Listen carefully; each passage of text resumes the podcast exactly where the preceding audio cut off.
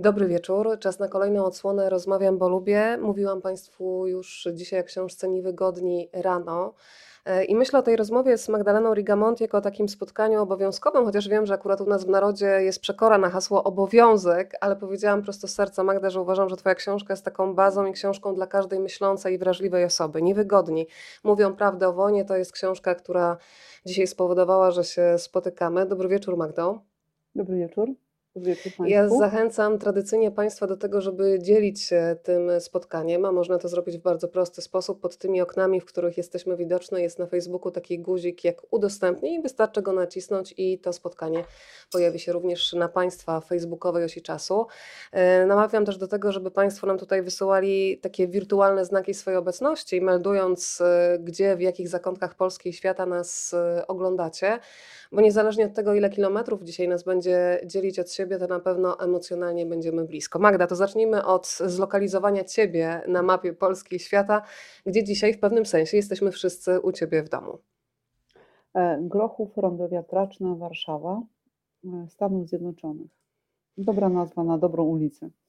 To prawda, zresztą powiem Ci, że bardzo też lubię e, ten rejon Warszawy, bo bardzo mi się też kojarzy z czasami studenckimi, więc taką szybką, wirtualną podróż czyli, na osi czasu. Gdzieś, gdzieś Kickiego było, prawda? No oczywiście, Akademik na Kickiego był grany. Akademik na Kickiego, tak, przyjeżdżam tam tędy prawie codziennie. Mhm. Magda, dzisiaj bardzo bym chciała, żebyś e, powiedziała nam trochę o Twojej codzienności, o Twojej pracy, o tym, jak powstawała książka Niewygodni. Tak jak Państwu wspominałam, jest to książka, której się nie zapomina kilkanaście świadectw e, tych, którzy przeszli przez e, piekło wojny. Dzisiaj na pewno razem z Magdą porozmawiamy o ludziach, którym w brutalny sposób e, zabrano dzieciństwo, ale zacznę Magda od tego, że części Twoich rozmówców nie ma już niestety razem z nami. Udało Ci się ich złapać w tym momencie życia, kiedy mogli opowiedzieć swoją historię, kiedy mogli dać świadectwo, więc zacznę od zapytania Cię od reakcji tych, o reakcję tych, którym udało się doczekać premiery książki. Jakie to są emocje, bo nagle to, co było tylko waszym bardzo takim prywatnym udziałem, efektem bardzo długich rozmów i spotkań, trafia w ręce, tak naprawdę myślę, że trafia do serc i umysłów e, czytelników. E, rzeczywiście mm, duża część moich bohaterów już, e, już dużej części bohaterów już z nami nie ma, bo wiek, bo, bo czas, bo ci, którzy byli e, takimi starszymi nastolatkami, mieliby dzisiaj po 100 lat. E, ci, którzy byli młodymi żołnierzami, którzy e, walczyli w kampanii wrześniowej chociażby, też mieliby dzisiaj ponad 100 lat. Ich po prostu nie ma. Mam nadzieję, że i tu macham do nieba. Mam nadzieję, że wszyscy są, są tam, gdzie jest dobre miejsce. Natomiast oddali, mam wrażenie, i Polsce kawałek życia, i historii kawałek życia, i nam kawałek życia, bo mam takie coraz większe poczucie, mm, że gdyby nie oni, to właśnie chyba nie mogłybyśmy dzisiaj rozmawiać, chyba nie byłoby tej Polski, e, e, która jest.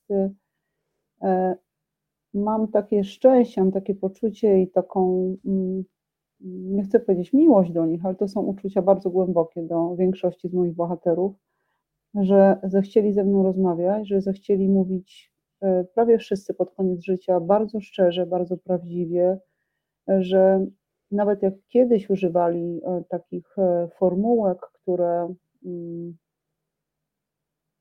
które były w pewnym sensie ich pancerzem ochronnym, to pod koniec życia już przestali i i mówią szczerze o tym, mówią, bo niektórzy ciągle mówią, jak pan Leszek Żukowski, jak pan Czesław Lewandowski, moi ukochani powstańcy, jak pan e, Stefan Majster, którego w tej książce nie ma, bo spotkałam już go po tym, jak książka była w druku, ale w sierpniu, jeszcze tego sierpnia, rozmawiałam z panem 96,5-letnim Stefanem Meissnerem, który mieszka w Kanadzie, który co roku przyjeżdża do Warszawy no właśnie, czy świętować, czy celebrować, czy też po prostu być w trakcie tych dni, kiedy jest y, obchodzona rocznica wybuchu Powstania Warszawskiego. No ale nie są to tylko powstańcy w tej książce. To w tej książce są ludzie, którzy e, w tej wojnie byli naprawdę mm, w bardzo różnych perspektywach tej wojny, z bardzo różnych perspektyw tę wojnę, chociaż wtedy nie ze świadomością, oczywiście, bo tę świadomość mm, dostali, mają dopiero wiele lat po, przeżyli i o tych perspektywach mm, mi opowiedzieli. Magda, No ja- miałaś już ja- okazję wręczyć i posłuchać też właśnie takich y, emocjonalnych reakcji w tym momencie, kiedy przychodzisz No właśnie, z książką, z Tak, tak, tak. I, I wiesz, że to już nie jest tylko wasza prywatna rozmowa, tylko coś, co, do czego mają dostęp już wszyscy. E, Część tych rozmów ukazała się w nałamach dziennika Gazety Prawnej, ale to jest tak, że jak te rozmowy są rozstrzelone po całych latach, są gdzieś w gazecie, to one no, na jakiejś grupie czytelników oczywiście robią wrażenie, ale no, są przeczytane. Gazeta, jak wiadomo, żyje krótko, są odłożone gdzieś na bok albo po prostu wyrzucone do śmieci, może jakieś skrawki zostają w pamięci.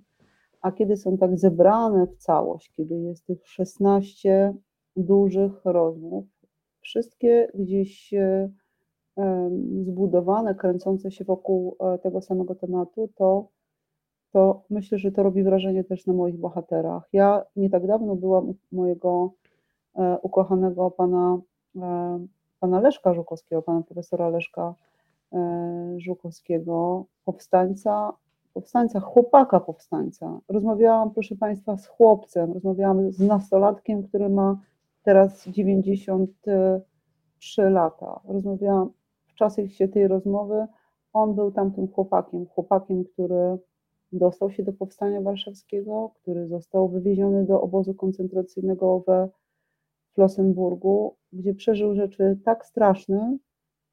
mm, Ja ich nawet teraz nie mogę powtarzać, bo w moich ustach one e, em, mm, są jakimś epatowaniem, e, śmiercią, śmiercią, strachem, złem. Je trzeba usłyszeć, czytając e, to, co ma do powiedzenia pan e, Leszek Żukowski. A potem, żeby tego było mało, ten nastoletni chłopak jeszcze szedł w marszu śmierci do, do Dachau i on tę książkę ode mnie dostał. Byłam u niego, spędziliśmy e, dobrą godzinkę, nawet może prawie dwie godzinki. I powiedział: Napisze pani mail. Bo pan Leszek Żukowski jest naprawdę mocno skomputeryzowaną postacią. I, I drodzy Państwo, ja tak myślę sobie, że teraz tak myślę, wtedy miałam tylko intuicję, że on tego maila chyba nie napisze. Że on tę książkę ma, on się jakoś w niej zagłębił, on przeczytał e, te relacje, chociaż te wywiady, bo to nie są e, relacje z ludźmi, którzy opowiadają o wojnie z innych perspektyw. No i z tym zostanie. Natomiast to jest też pan, to jest też człowiek, e, który pierwszy raz o tym wszystkim, co przeżył, zaczął mówić dopiero w 2014 roku, czyli wiele, wiele, wiele, wiele lat po wojnie. Mówił o powstaniu warszawskim, ale nigdy nie mówił o, o Flossenburgu, nigdy nie mówił o Marszu Śmierci e, do Dachau. Kilka tysięcy osób wyszło, 1200 osób dotarło do tego Dachau wtedy pod koniec kwietnia 1945 roku. Magda, Nie, piszesz... nie e, czekam, nie czekam na, nie czekam na reakcję, bo ja reakcję miałam w czasie tych rozmów. Mm, I, i my razem spędziliśmy, wszyscy razem, y, jakiś taki niesamowity czas i, i miałam wrażenie, że dotykam. mm, Nawet były takie momenty, że miałam poczucie, że gdzieś jestem bardzo blisko przekroczenia granicy, że już dalej nie powinnam pytać. Ale jeśli ci moi bohaterowie, i mówię o tym, moi bohaterowie, nie tylko bohaterowie moich wywiadów, tylko ci moi bohaterowie, jeśli sami e, mówili dalej, to, to im na to pozwalałam, nie, e, nie przerywałam. Ale wrócę do tego, co powiedziałam. Oni wszyscy, prawie wszyscy, kiedy mówili o tamtych czasach, stawali się chłopcami i dziewczynami. To oczy im zaczęły błyszczeć trochę inaczej, mówili trochę inaczej i wszyscy mówili jedno. My przestaliśmy być dziećmi wtedy. Ta wojna zabrała nam nasze dzieciństwo. Byłem dwunastolatkiem, a myślałam jak dorosły. Byłam trzynastolatką, a byłam dorosłą kobietą. I to było dla mnie też niesamowite i, i wtedy, wtedy i teraz myślę o tych dzieciakach w Ukrainie, które przestają być dziećmi i na zawsze im jest odbierane to, co powinniśmy mieć najfajniejsze, najlepsze, najcieplejsze, najzdrowsze, najsmaczniejsze. No właśnie. Jeden dzień, jeden wariat i, i tego nie ma. Opowiadasz, Magda, o tej takiej bliskości i to wszystko oddajesz też y, w tej formie w druku, bo ja jako czytelniczka mam właśnie takie wrażenie dostępu do niezwykłej bliskości i też y, czytam i, i mam wszystko w sobie ściśnięte, ale też dziękuję Wam za tę szczerość i za to, że pokazujecie ten świat. Bo to też jest książka, która pokazuje, że tak naprawdę tylko wiedza nas chroni przed manipulacją ale żeby wiedzieć, to trzeba mieć właśnie w sobie gotowość do zadawania pytań i oprócz gotowości do zadawania pytań trzeba mieć w sobie też bardzo dużo przestrzeni na przyjęcie cudzego cierpienia i na przyjęcie odpowiedzi, które być może nie pasują wszystkim do ich wyobrażeń y, historii. Piszesz bardzo szczerze we wstępie i myślę, że z Twoim wyznaniem utożsamia się bardzo wiele osób. Ja zresztą Cię przyznam, że po rozmowie z Tobą zadzwonię też do mojej mamy, ile ona wie na przykład od swojej mamy, czyli od mojej babci na temat czasów wojennych, bo ten temat gdzieś kiedyś się pojawił, ale bardzo na chwilę i na krótko. I piszesz o tym, że ty też bardzo długo nie miałaś w sobie takiej gotowości do rozmów ze swoimi dziadkami, że ten temat gdzieś tam się przewijał i znikał, przewijał i znikał. E, ja mówię to po lekturze książki i wstępu, ale wiem, że dzisiaj też razem z nami są ci, przed którymi jeszcze jest ta e, lektura. Więc e, powiedz trochę o tej twojej osobistej historii, o takim procesie, powiedziałabym, dojrzewania do tego, żeby usłyszeć i żeby stworzyć tę przestrzeń na opowieść z całym ciężarem tego, co ona ze sobą niesie. Jak się jest młodym, to się nie myśli przecież o śmierci. Nie myśli się o tym, czego doświadczyli dziadkowie. Oczywiście ja pytałam dziadka, ile Niemców zabiłeś, a ile Niemców zabiłeś. Ale mój dziadek machał ręką tylko. Nie chciał o tym mówić. Nie wiem, czy zabił, bo się nie dopytałam.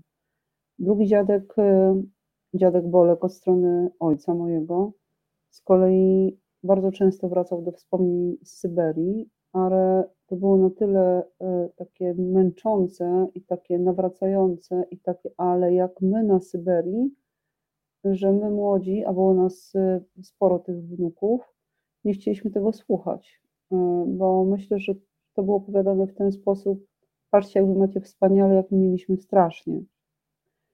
I dziadka Bolka po prostu nie dorosłam na tyle, żeby móc dziadka Bolka posadzić przed siebie, wyciągnąć dyktafon i tak szczerze zapytać, co tam się działo. Jaka była jego matka, dlaczego on był taki, a nie inny dla mojego ojca, dla jego e, rodzeństwa, jak to, co przeżył przez pięć lat na Syberii, a w zasadzie pięć i pół, prawie sześć, e, wpłynęło potem na jego dorosłe życie, na to, jakim był ojcem, jakim był też dziadkiem. To mnie bardzo interesuje. Teraz bardzo by mnie interesowało. Teraz mnie interesuje to, jak mm, tamte wydarzenia wojenne odcisnęły się na kolejnych pokoleniach. Mm, natomiast nie zdążyłam. Natomiast mam teraz taką frajdę i nie wiem, czy słowo frajda pasuje do tego wojennego tematu. Tak, ale mam frajdę, szanowni państwo, że mam uczniów w liceum i studentów na Wydziale Dziennikarstwa, i zadaję im różne prace domowe. I również takie prace domowe polegające na tym, żeby nagrywali swoich dziadków i pradziadków, a może e, rodziców i dziadków, bo to nie chodzi tylko o II wojnę światową, chodzi o, o okres stalinowski, chodzi o marzec 68 roku, chodzi o 70 rok, 80, 81, chodzi o różne wydarzenia historyczne, w których oni brali udział, które mogą być e, istotne i dla historii naszego kraju, ale i dla historii danych rodzin. Bo to są dwa aspekty. To jest aspekt, aspekt um, historyczny i taki wiedzowy i, i, i, bycia świadomym obywatelem, w jakim my kraju żyjemy i co tu się u nas działo, i aspekt psychologiczny. Jak my bardzo jesteśmy obciążeni tymi wojennymi traumami, jak my bardzo mamy te wojny, czy też e, kryzysowe, traumatyczne wydarzenia ciągle w sobie i jak nikt się pokoleniowo, mówię o moim pokoleniu, czterdziestoparolatków o pokoleniu moich rodziców i pokoleniu moich dziadków, jak się nami nikt nie zajął w tej kwestii. E, psychologicznie, tak, terapeutycznie. Jak to wszystko jakby załatwialiśmy sami ze sobą, a załatwialiśmy często przez przemoc, przez alkohol, przez różne dziwne zachowania, bo to, to też są tematy, które są trochę tematami tabu, ale mam wrażenie, że e, coraz częściej, przynajmniej w moim pokoleniu, ludzie mają odwagę o tym mówić i, i rozmawiać. Magda, powiem Ci, że dzisiaj ten temat bardzo ważny połączył osoby z różnych stron e, Polski i świata, bo widzę, że jesteśmy i w Suwałkach, e, ale jesteśmy też w Wiedniu, jesteśmy w Londynie, jesteśmy za oceanem. Lic nam się kłania razem z panem Mirosławem, Nysach, Rubieszów, Malta na pokładzie. E, Gorzów, bardzo Państwa witam i cieszę się, że Państwo są. Chicago właśnie też dołączyło. E, chciałabym, żebyśmy. Mieście Chicago widzę właśnie. Tak jest. Tak, Także tam mhm. też jesteś. Widzisz, można być w kilku miejscach e, jednocześnie. Z tego też się mhm. zawsze bardzo cieszę, że jednak ten online, mimo że ogranicza takie bezpośrednie spotkanie, to mhm. pozwala jednak dotrzeć do myślę, że większej ilości miejsc. Chciałabym, żebyśmy mm, przynajmniej pokrótce przedstawiły Twoich bohaterów. Ja zacznę od pani Ady Willenberg. Y, która w tej opowieści znowu staje się dziewczynką. Dziewczynką, która przeżywa mm. koszmar getta, która ucieka na stronę aryjską w styczniu 1943 roku.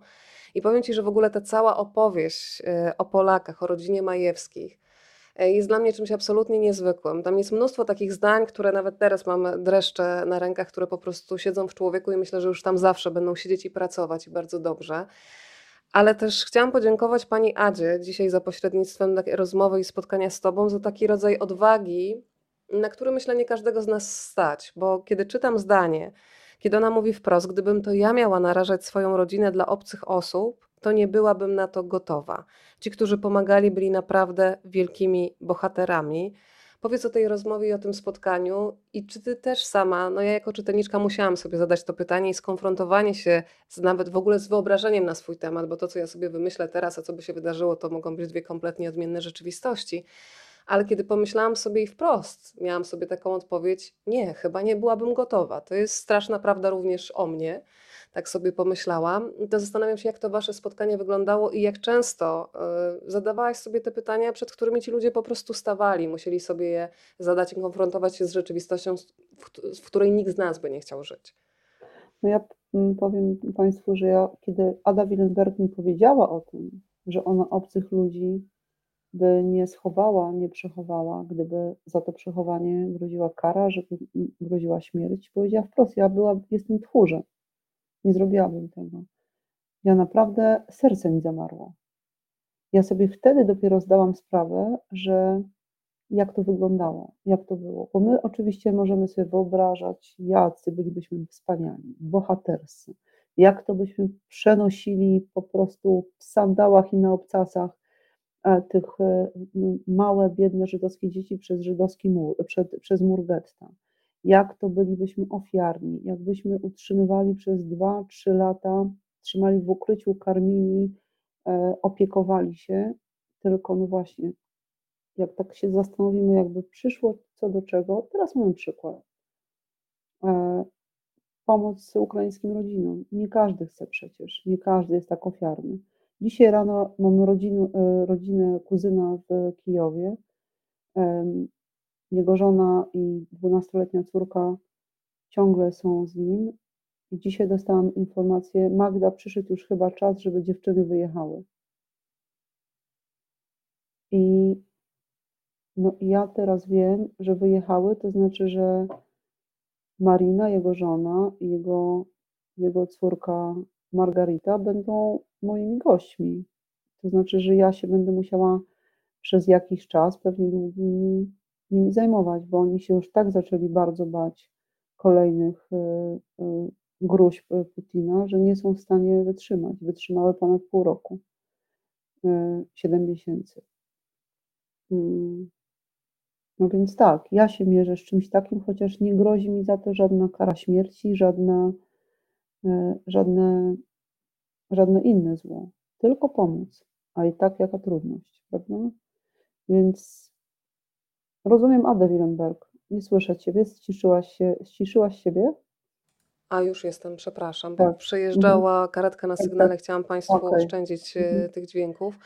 Powiem Ci, że, y, mam wielki szacunek dla pani Ady za tą jej odwagę, za tę szczerość w tej opowieści i myślę też bardzo dużo od czasu przeczytania tej rozmowy o całej rodzinie Majewskich i się zastanawiam, czy Ty miałaś Są, kontakt z potomkami, są, są, bo to niezwykli ludzie, bo ona mówi wprost, że oni narażali swoją rodzinę, w tym trzyleto trzyletnie dziecko.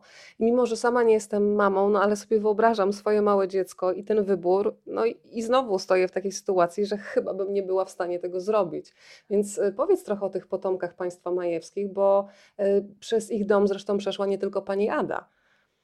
Tam przyszło bardzo wiele, e, wiele dzieci, kilkanaście osób, e, w tym jedna dziewczynka, która mieszkała bardzo, bardzo długo i która miała być, blondynką wyglądającą, jak Polka. Okazała się dziewczynką no, niepoprawnie wyglądającą, nie mającą wyglądu, jak to się wtedy mówiło, a jednak państwo majewscy, mm, postanowili ją zatrzymać, postanowili ją zostawić i, e, uratować. Natomiast wiem, że Ada Willenberg, która niedługo będzie w Polsce, przyjeżdża, e, lat 93, dobrze liczę, w listopadzie. Ciągle ma kontakt i z tym Danusiem, który miał wtedy trzylatka, jak, e, Ada Willenberg trafiła do państwa majewskich i, e, z drugim dzieckiem państwa majewskich. E, państwo majewscy sami oczywiście już, e, już nie ma ich na tym świecie, już nie żyją, natomiast żyją potomkowie. I ja myślę, że to dla Ady Willenberg ci potomkowie są jak najbliższa rodzina. Przecież przecież nie ma nikogo innego. Mama Ady zginęła, poszła do do gazu, poszła do Treblinki. Natomiast, y, cała jej rodzina zniknęła. Nie został nikt. Jedna ciotka, ale nie taka najbliższa ciotka, jedna ciotka, dzięki której ona jakoś mogła sobie ułożyć życie, e, po wojnie. Miała kogoś, w przeciwieństwie do, e, większości Żydów, którzy się uratowali, którzy nie mieli nikogo. Natomiast Ada ja z Adą Willenberg, hm, w zasadzie mogłabym spędzać każdy wieczór. To jest taka osoba z takim, e, taką chęcią do życia, tak łapiąca każdą chwilę, tak potrafiąca się niesamowicie cieszyć, tak energetyczna, tak niezwykła i mówiąca do tego: "Magda, dopóki żyję, będę mówić. Dopóki żyję, będę o tym opowiadać. Nikt mnie nie zatrzyma". A opowiada o tym również, jak przyjechała ze swoim mężem do Izraela na pod koniec lat, y, 40. i Żydzi, którzy już tam byli, nie ci, którzy przeżyli wojnę, e, tylko którzy mieszkali tam w Tel Awiwie, mm, od, y, przed wojny, nie chcieli słuchać tych opowieści. Mówili do nich: "Dlaczego się daliście prowadzić jak barany na rzeź? Dlaczego się nie buntowaliście? Nie chcemy tego słuchać. Nie chcemy słuchać ofiar". A oni i tak mówili i opowiadali, opowiadali, opowiadali, aż w pewnym momencie zaczęli przywodzić, kiedy już było można, kiedy między Izraelem a Polską w 86 bądź 7 roku z powrotem nawiązały się, e, relacje polityczne, zaczęli przywozić, e, wycieczki młodych, em, młodych Żydów z Izraela, wycieczki szkolne. Jeździć do Treblinki, do Warszawy, do Oświęcimia, do, e, innych miejsc pamięci, ale pokazywać też, e, e, taką Polskę, nie tylko tą Polskę holokaustową, tylko też tę Polskę, mm, e, w miarę normalnie funkcjonującą. W miarę mówię, no bo 87 rok to jeszcze był przecież in inny system, w Polsce nie było demokracji, mieliśmy, e, mieliśmy komunizm, mieliśmy PRL i pamiętamy ja pamiętam doskonale tę tamtejszą, e, szarość. Ale ja myślę, że Ada momentami ciągle jest tą małą dziewczynką, która wygrała życie, która przeżyła życie, która, e, przeżyła i która ma obowiązek i ona czuje, że ma ten obowiązek, żeby mówić, żeby świadczyć, żeby żeby przestrzegać, bo wie, czym jest, y, wojna. Opowiada rzeczy przeraźliwe. Natomiast opowiada to w taki sposób, że nie płacze, nie, e, nie wzbudza w nas łez. My siedzimy tylko w takim ja siedzę za każdym razem w takim odrętwieniu jakby e, stuporze, a byłam o niej i w Tel Awiwie, i spotkałyśmy się w Warszawie, i ona opowiadając to cały czas podkarmia. Cały czas coś, a to może byś spróbowała, może to, tu mam taki bakłażanek, tu mam coś innego, pysznego. Tak jakby to jedzenie, bo to jedzenie jest bardzo, bardzo, bardzo ważne. Zresztą dla wszystkich moich bohaterów jedzenie jest bardzo ważne, bo oni wszyscy przeżyli głód. I jak pytam ich, co w tej wojnie było najgorsze, to prawie wszyscy, prawie wszyscy mówią, głód był najgorszy.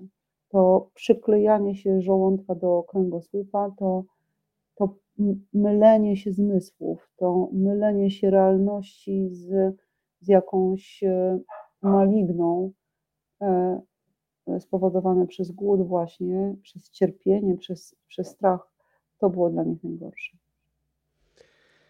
Magda, w tej historii, którą opowiada pani Ada, bardzo ważny, tak jak wspomniałaś, jest jej mąż, pan Samuel, uczestnik zresztą powstania w Treblince, ale też uczestnik powstania warszawskiego i, i to ich też funkcjonowanie zresztą przez lata w, w duecie jest dla mnie niezwykłe. To, to, to wspieranie się nawzajem, tak jak mówisz, kiedy ludzie też nawet nie chcą słuchać o tym, co oni mieli do E, opowiedzenia, kiedy przyjechali do Izraela. I też bardzo mocno we mnie została opowieść o dziewczynce, e, czy ta dziewczynka, o której wspominałaś, to była pani Maria Jarząbek-Chorzelska, która później po wojnie została naukowczynią. To jest, to jest historia właśnie. Tak, panią tak, profesor. Panią profesor została. I dla mnie niezwykłe jest to, mówiłaś o tych, że dzieci tak naprawdę, no one chłonęły taką rzeczywistość, jaka była. I ta opowieść o dziewczynce, która zostaje zadenuncjowana przez to, że mm, próbuje się No bawić właśnie. w to, co zna, Czyli powiedz proszę, bo, bo to jest jedna właśnie z takich rzeczy, która pokazuje, co się dzieje z umysłem dziecka, które nie zna alternatywy. Ono próbuje odtwarzać koszmarną rzeczywistość, ale traktuje tę rzeczywistość, e, wrzuca ją jakby do tego worka z zabawą. Sąsiedzi zadenuncjowali e, państwa majewskich. E, przyszło gestapo mm, z informacją, że tu mieszka żydowskie dziecko. Pani Majewska próbowała tłumaczyć, że jak to żydowskie dziecko, to dziecko y, znajomych czy siostry, no jakąś miała historię do tego e, dobudowaną. Gestapowiec powiedział, proszę nie kłamać, to jest żydowskie dziecko. Okazało się, że mała Marysia na podwórku z innymi dziećmi zaordynowała prostą zabawę. Zabawmy się w getto. I dzieci bawiły się w getto. I przyuważył to jeden z miłych sąsiadów, zgłosił donos, weszło gestapo. Natomiast to, co się później stało, przecież i mała Marysia została słynną naukowczynią, słynną profesorką i Ada Willenberg e, przeżyła wojnę i państwo majewscy nie trafili e, na szucha, bo gestapowiec, no właśnie tu nie wiem, zlitował się, Coś się takiego stało, że powiedzieli tylko, żeby pani Majewska wpłaciła ileś set marek na Czerwony Krzyż. I wyszli. Następnego dnia oczywiście tę małą Marę się mm, wywieziono gdzieś na wieś, żeby ją ukryć. No ale wszystko się dobrze skończyło. To jest też opowieść, dla mnie ta opowieść Ady Willenberg jest naprawdę bardzo wielowymiarowa. To, od czego zaczęłaś, to, że ona mówi, że ona by nie ukrywała, to jest jedna historia jeden wymiar. Drugi wymiar jest taki, że byli też dobrzy po tamtej stronie. Po tamtej stronie, stronie oprawców, e, bandytów, morderców, po stronie Niemców. Mm. Trzecia opowieść to jest opowieść o tym, jak bardzo Żydzi w Izraelu nie chcieli słuchać o Holokauście. Jak bardzo Holokaust był dla nich, tak jak my nie chcemy słuchać o starości, o śmierci, przecież my chcemy tylko, żeby było wspaniale, żebyśmy byli młodzi na na plakatach w strojach kąpielowych, żeby świat był ładny, a nie śmiertelny. Przecież zastanawiamy się, co się stanie, jak będzie, nasi rodzice będą wymagać opieki e, i nie będą sprawni. Nie chcemy tego, prawda? Tak samo być może ci izraelscy Żydzi, e, niewojenni, nie holokaustowi, w tym swoim pięknym kraju słonecznym rzeczywiście nie chcieli słuchać o Holokauście, nie chcieli słuchać o, tu wielki cudzysłów, baranach, to nie u mnie, o baranach prowadzonych na rzeź. Więc ja, ja myślę sobie, że, mm, bo tak jak powiedziałam, Ada jest dla mnie taką mm, nieodgadnioną do końca postacią, nieodgadnioną do końca bohaterką. Ja za każdym razem, kiedy się spotykam z Adą Willenberg, to ona do mnie mówi, a tego to jeszcze chyba nikomu nie opowiadałam. I to jest historia, która mnie rozkłada na łopatki za każdym razem. Więc ja myślę, i tak e, rozmawiam z wydawnictwem Wielka Litera, że, że my po prostu zrobimy kolejną książkę, przygotujemy kolejną książkę, która będzie tylko książką Adzie Willenberg. Bada Willenberg zasługuje na książkę i na film dokumentalny i na wielki hollywoodzki film e, fabularny. Więc jest, dla mnie jest taką, taką postacią w tym maleńkim ciałku, metr 50 albo i mniej. Naprawdę chowa się wielka historia, chowa się wielki duch też, bo historia chowa się w, wiel, w wielu ludziach, ale chowa się wielki duch, wielka siła i taka potrzeba opowiadania o tym, co, czym jest wojna. Taka kruchosilna, piękna osoba. Kiedy o niej mówisz i kiedy się y, czyta jej opowieść, y, daj nam koniecznie znać, kiedy pani Ada będzie w listopadzie, jeżeli to będzie jakieś publiczne spotkanie, bo myślę, że nie tylko ja, ale też część z Państwa mhm. będzie miała ochotę się spotkać i popatrzeć w te oczy, uścisnąć dłoń. Y, powiedziałyśmy o tej zabawie w getto i teraz sobie w zasadzie, wiesz co, uzmysłowiłam, że ten przykład był już bardzo drastyczny, bo mamy dziewczynkę, która mówi: Ty stajesz pod murem, ty będziesz strzelać, ja będę uciekać. Ale z drugiej strony sobie pomyślałam, i to jest pytanie do y, rodziców dzisiaj, dzisiejszych dzieci, na przykład przedszkolaków. No, ja y, wychowywałam się w latach 80., ale zabawa w wojnę przecież była na porządku dziennym. I kiedy wiesz, dzisiaj na to patrzę z tej perspektywy, tego, że ta wojna jest w Ukrainie, tego, co się wydarzyło kilkadziesiąt lat temu, tak naprawdę, to zastanawiam się, co jest w nas, że nadal ta wojna jest, y, no właśnie, bawimy się w wojnę, zagrajmy w wojnę. E, samo zestawienie tych słów wydawałoby się, że powinno być od razu wyeliminowane, a to cały czas jest w języku. Czy te wszystkie pieśni wojenko, wojenko, cóżeś ty za pani, że to wszystko było takie, że ta wojna była postrzegana, zresztą jeden z twoich bohaterów mówi bardzo ważne zdanie, że do września 1939 roku myślałem, że wojna to jest zabawa. Leszek Żukowski.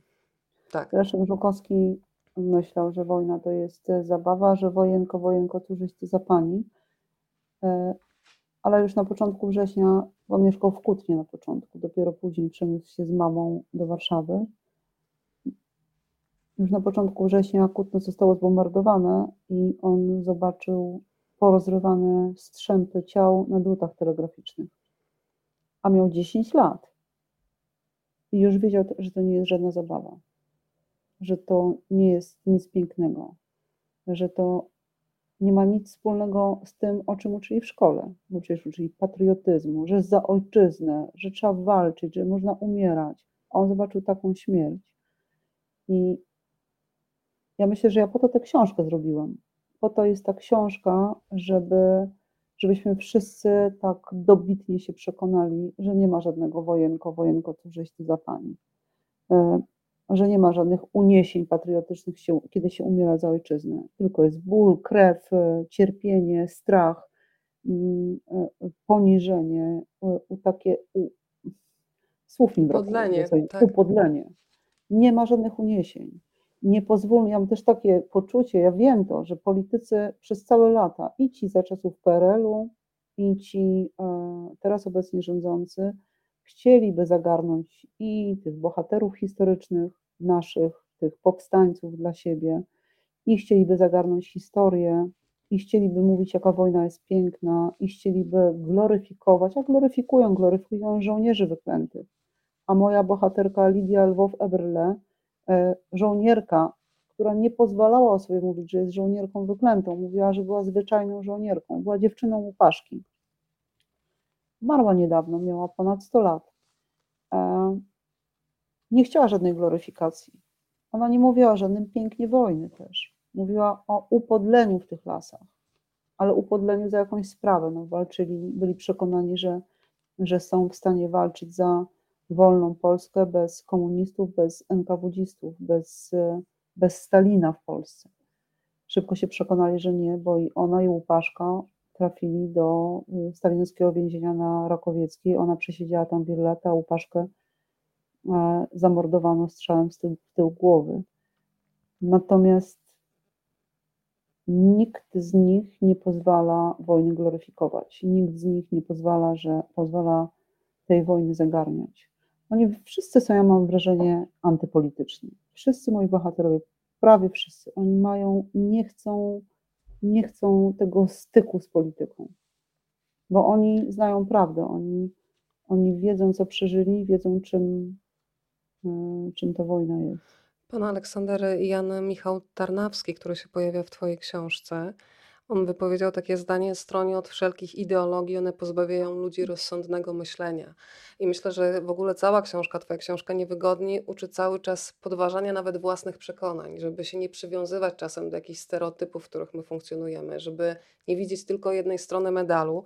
Jest y, bardzo ważna i mocna opowieść, między innymi o powstaniu warszawskim. Jeden z Twoich bohaterów mówi o tym, że powstanie było zbrodnią i mówi tak naprawdę o 14-letnich chłopcach rzucanych do kluczowych walk, o chłopcach, którzy szli, ponieważ, jak on mówi, też nie do końca mieli w ogóle jakieś przeświadczenie i wyobrażenie na temat konsekwencji, a stawali się mięsem armatnim. E, pojawiają się też bardzo mocne i ważne wypowiedzi dotyczące Muzeum Powstania Warszawskiego, że bardzo dobrze, że ono jest ale z drugiej strony, mówi jeden z Twoich bohaterów, jeśli miasto zostało obrócone w ruinę, jeśli około 200 tysięcy mieszkańców Warszawy zginęło, jeśli poległo około 20 tysięcy powstańców i ponad 4 tysięcy żołnierzy pierwszej Armii Wojska Polskiego, którzy forsowali Wisłę, jeśli prawie 30 tysięcy powstańców było rannych, to o czym my mówimy? Tej grozy, tego przesłania, że tak nie powinno być, że tak się nie powinno dziać w Muzeum Powstania Warszawskiego nie ma i to mnie przeraża. Nie ma go i nie będzie, ponieważ lubujemy się w świętowaniu naszych porażek. Pojawiają się też wypowiedzi, które bardzo mocno we mnie zostają kiedy e, twoi bohaterowie mówią o takim początkowym entuzjazmie mieszkańców stolicy, a potem o tym, że mieszkańcy stolicy mówią wprost do powstańców: wynoście się, bo wy jesteście dla nas zagrożeniem. I znowu y, wydaje mi się, że trzeba zrobić przestrzeń również na tę opowieść. I faktycznie, gdyby zrobić proporcje, to mamy bohaterstwo, bohaterstwo, bohaterstwo. E, no i to, co mówi jeden z Twoich bohaterów, że to było też rzucanie młodych ludzi, którzy nie potrafili przewidzieć konsekwencji swoich czynów, na pewną śmierć. No tylko, że to jest ostatnia chwila ostatnia chwila, e, póki oni żyją. E, nawet chyba jeden z nich mówi, póki my żyjemy. Póki my żyjemy, to będziemy mówić, jak było naprawdę.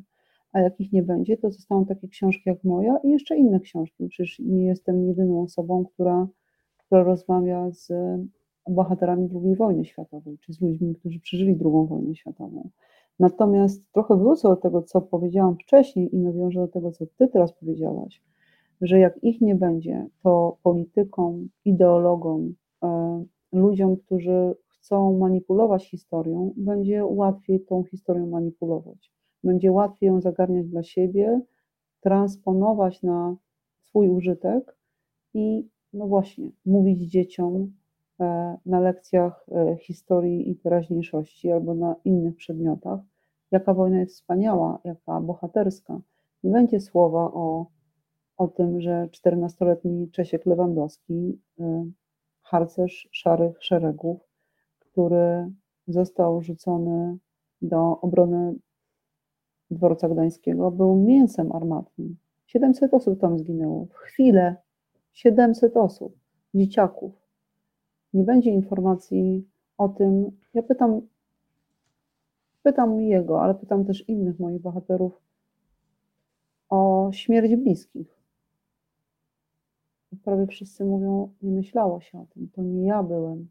Szło się dalej, to nie ja, to nie ja. Dopiero później, dopiero później do nich dochodziło. Mam wrażenie, że do wielu przez całe życie, ilu ludzi wokół stracili, ile tych śmierci naokoło było, pod iloma trupami leżeli, bo przecież były też takie, e, takie sytuacje. Ile trupów e, mały Czesiek Lewandowski, wówczas 16-letni, bo przecież trafił wprost z powstania do e, obozu koncentracyjnego w Sztuthofie.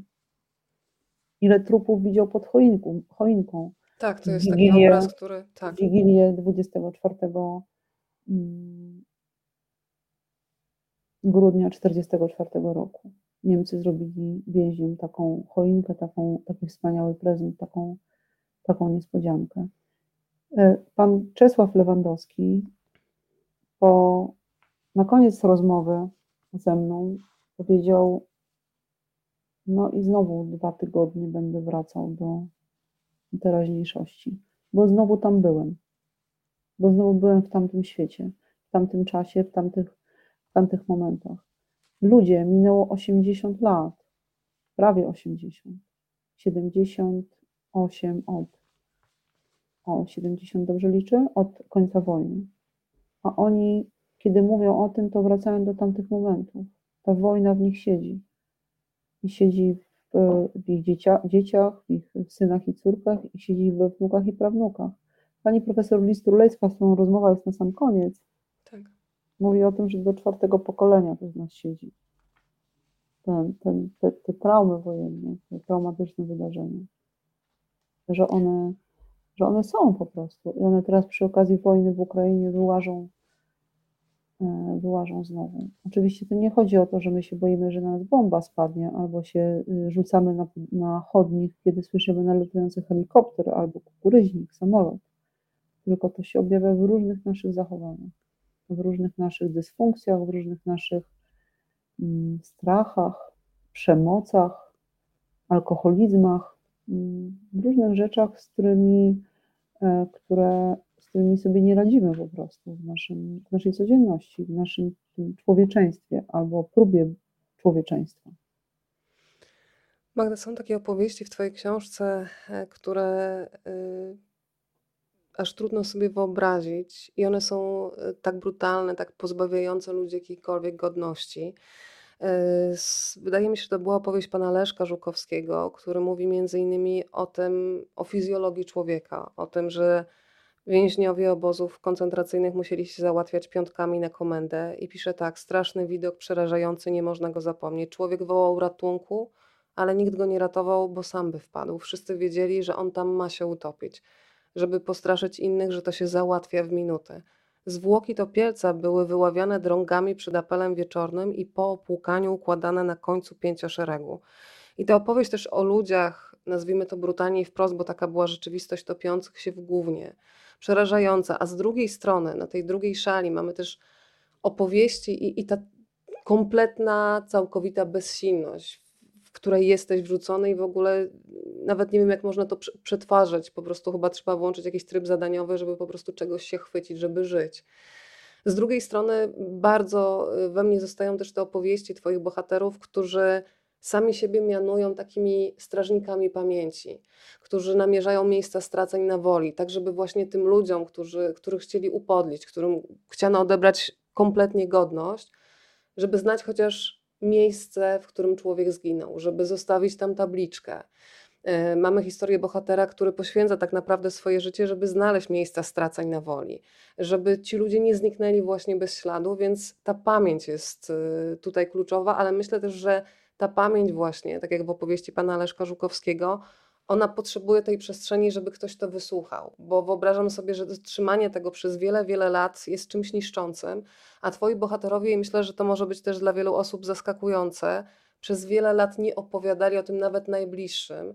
E, Twoi bohaterowie na przykład mówią, że nawet do niedawna ich wnukowie o czymś nie wiedzieli, bo nie pytali, a skoro nie pytali, to ja nie chciałem albo nie chciałam o tym opowiadać. Powiedz o tych rodzinnych, nie wiem, nawet bym słowo sekret kompletnie nie pasuje, o, takich, o takim No, rodzinnym sekret. milczeniu. Mhm. Mhm. To jest. e, Zaczęłaś, Weronika, od tej historii z mm, obozu koncentracyjnego we e, w Rosenburgu, Tak. z latryny. My musimy też pamiętać, że opowiada to człowiek, który miał wtedy 16 lat, który był w takim wieku między dzieckiem, między chłopcem, a stającym się dopiero dorosłą, dorosłym mężczyzną, dorosłą osobą. Dojrzewający, budujący sobie jakiś, formujący siebie.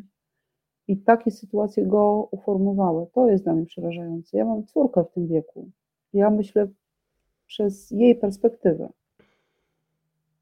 że ona mogłaby się znaleźć w tak strasznej sytuacji. Mogłaby się znaleźć w sytuacji takiej, jak był e, Czesiu Lewandowski. Czesiu Lewandowski, który, tak jak mówiłam, był w tej obronie dworca gdańskiego, ale wcześniej, jako dwunastolatek, został Ojciec został zamordowany przez Niemców, matka w jakimś szaleju, w jakimś e, mm, no, no, nie, depresji być może, zostawiła totalnej go rozpaczy. w jakiejś totalnej rozpaczy, chociaż on tego tak nie tłumaczy.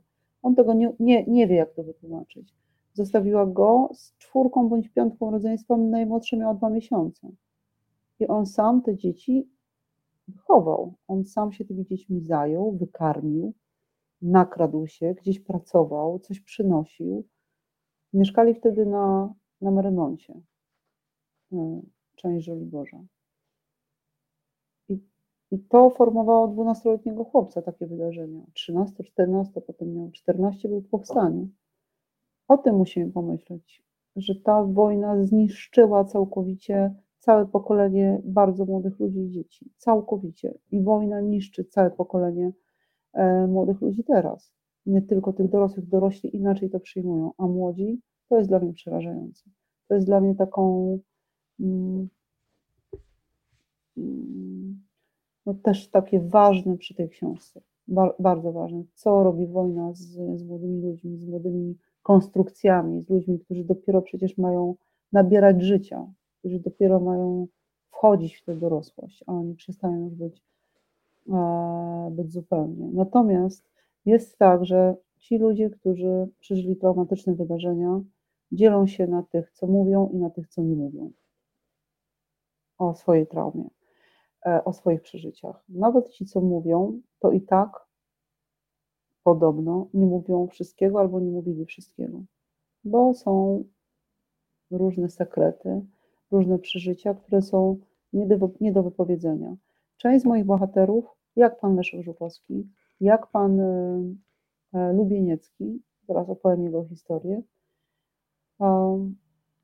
nie mówiło o, o tym, co, czego doświadczyło. Nie mówili o tym, bo to było, no właśnie ja nie wiem, czy nie dlatego, że dzieci nie pytały. Wcale nie. No przecież jak tak no, mielibyśmy usiąść przez swoją rodziną i powiedzieć o najskrytszych tajemnicach swoich, o tym, co, z jakich powodów cierpimy, z jakiego powodu jesteśmy nieszczęśliwi. To w takiej normalnej sytuacji, jakby było nam trudno, prawda? Takiej bez wojny. A z tym wielkim bagażem, z tym wielkim obciążeniem, z tymi przeżyciami tak naprawdę nie do wyobrażenia, takimi, co się nam w głowie nie mieszczą, że tylko w filmach Przecież jak e, e, czytałaś ten fragment o latrynach, to my to sobie wyobrażaliśmy, prawda? Ale nie, że to prawdziwy człowiek w tym brał udział, tylko jakiś film Spielberga, prawda? Tak, jakaś jakiś, z filmu, prawda? Stop, Gdzie można jakiś, się odgrodzić. Jakiś, jakieś odgrodzić zupełnie nierzeczywiste nie, nie e, wydarzenia. Więc, więc oni to trzymali dla siebie. No, Żukowski trzymał do 2014 roku. Niewiarygodne, ile ten ból, te straszne przeżycia E, tkwiły, tkwiły w, tym, e, w tym mężczyźnie, który w międzyczasie stał się naukowcem, stał się profesorem, dziekanem wydziału na, w szkole e, gospodarstwa wiejskiego. Zrobił, zrobił karierę, natomiast całe, cały ten background, cały ten ciężar wojenny w nim siedział. Siedział, bo dopiero w 14 roku gdzieś ruszyło coś zaczął opowiadać. A nie, nie mówił wcześniej, bo się bał, tylko nie miał na to sił, moim zdaniem. Nie miał siły. I tak jak Ada, jeszcze wrócę do Ady, bo tak. Ada, e, bo Ada już niby wszystko powiedziała, już e, ukazały się jakieś wspomnienia Ady Willenberg. Już e, powstał film o jej mężu, w którym też ona brała udział, Samuelu Willenbergu, który w 16 roku umarł i tak dla Państwa wiadomości, jeśli nie wiecie, to był jeden z powstańców w Treblince. W Treblince w sierpniu 1943 roku doszło do powstania ponad 200 osób.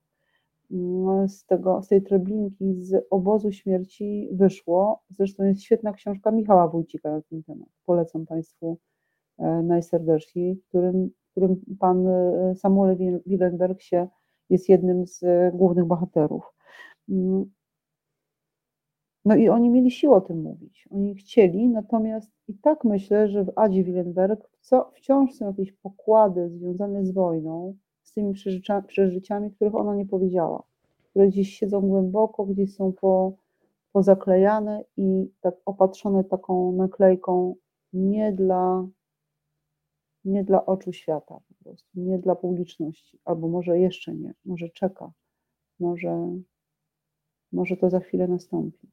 Dla mnie też, wiesz co, ta historia wyrzeźbionej historii Treblinki jest bardzo mocna, mam wrażenie, że to też, y, było takie szukanie Mm. sposobów na to, co jest nie do wypowiedzenia słowami, ale być może nawet, wiesz, to sobie tak wizualizuję wręcz emocje, które przechodzą w dłonie, które oddają, próbują oddać pewną rzeczywistość, oddać rzeczywistość, ale też opowiedzieć o emocjach, kiedy brakuje ci słów, bo tak jak mówisz, e, te sytuacje, o których opowiadają twoi rozmówcy, w naszej głowie oczywiście, że one się wizualizują, ale cały czas gdzieś z jakąś taką szybą, jak tak wspomniałyśmy, kadry z filmu, że to jest, e, zresztą twoi bohaterowie, jeden z panów mówi wprost, że on się dowiedział o wojnie, o obozach po wojnie i ta prawda, którą usłyszał, była tak przerażająca, że on bardzo długo miał w sobie taki y, odruch zaprzeczenia, że to jest niemożliwe, że nikt normalny by się tak nie zachował, a jednak.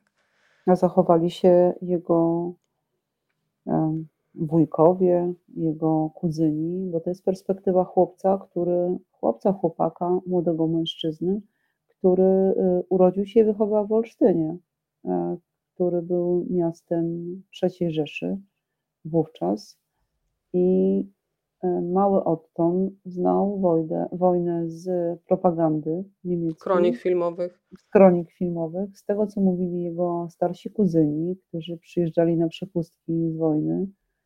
Mm, No ale nic nie wiedział o obozach koncentracyjnych, o obozach śmierci, o gettach. O, no, co prawda w Olsztynie Żydzi jakoś tak nagle zniknęli. Co prawda, no ale on był mały, miał 10, 11, 12, 13 lat. To jakoś nie, nie, nie zbudowało w nim refleksji, zastanowienia, no bo no po prostu dokądś wyjechali. I rzeczywiście dopiero po wojnie dowiedział się o tym złu, dowiedział się o tym i mówi wprost: Hitler był moim bohaterem.